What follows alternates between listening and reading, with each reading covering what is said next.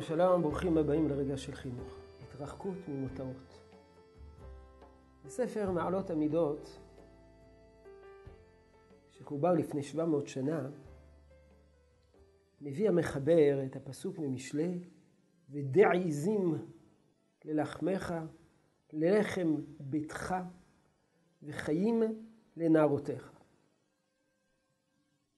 הוא מסביר, אף על פי שיש לו לאדם כמה עיזים, הוא לא יהיה מרגיל את עצמו אלא במה שדי לו, במה שדי לו, די עיזים.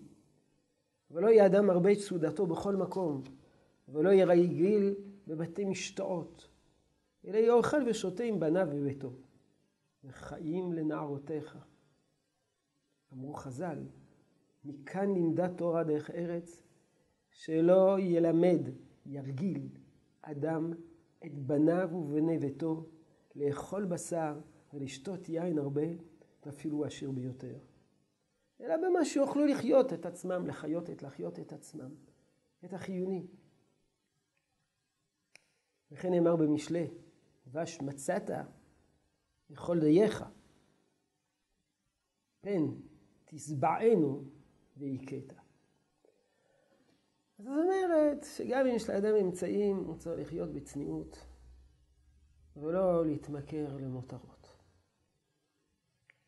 רבי שמחה מדווינסק, בספרו משך חוכמה, אומר שנזקי המותרות, צריכת מותרות, הם אלה שהביאו להידרדרות הרוחנית של עם ישראל. כתוב תחת, אשר לא עבדת את השם אלוקיך בשמחה ובטוב לבב מרוב כל.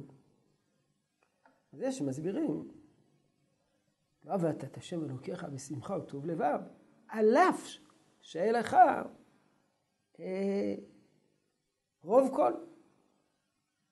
אבל המשך חוכמה מסביר שלא עבדת את השם אלוקיך בשמחה ובטוב לבב בגלל רוב כל.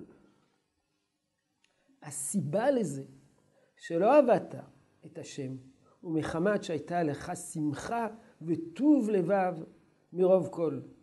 לא כן נתן לך השם, שצריך לחיות בהסתפקות. והרב כל, משמחה וטוב לב, כמאמרם, איזו עשיר השמח בחלקו. השמחה צריכה להיות איזו עשיר השמח בחלקו. העושר צריך להיות בשמחה, בהסתפקות במועט. אם כן, למדנו שעל אף שאין חובה ואין ציווי להתרחק ממותרות, השקיעה במותרות מזיקה. ונראה בעזרת השם בפעם הבאה שזה קשור לבן צור ומורה. בן צור ומורה, זולל וסובב. הסתפקו גדולי ישראל. מה העיקר? שהוא סורר ומורה, מורד בהוריו, או עיקר הבעיה זה זולל וסובב. מחלק מן הקדמונים נראה בבירור שהבעיה העיקרית זה זולל וסובב, ולא סורר ומורה. לא מערכת התקשורת הלקויה בינו לבין הוריו, היא פה בעוכריו ומביאה עליו את העונש הכל כך חמור, אלא מפני שהוא זולל וסובב. ברצון שתשרה ברכה בעבודתנו החינוכית. שלום שלום.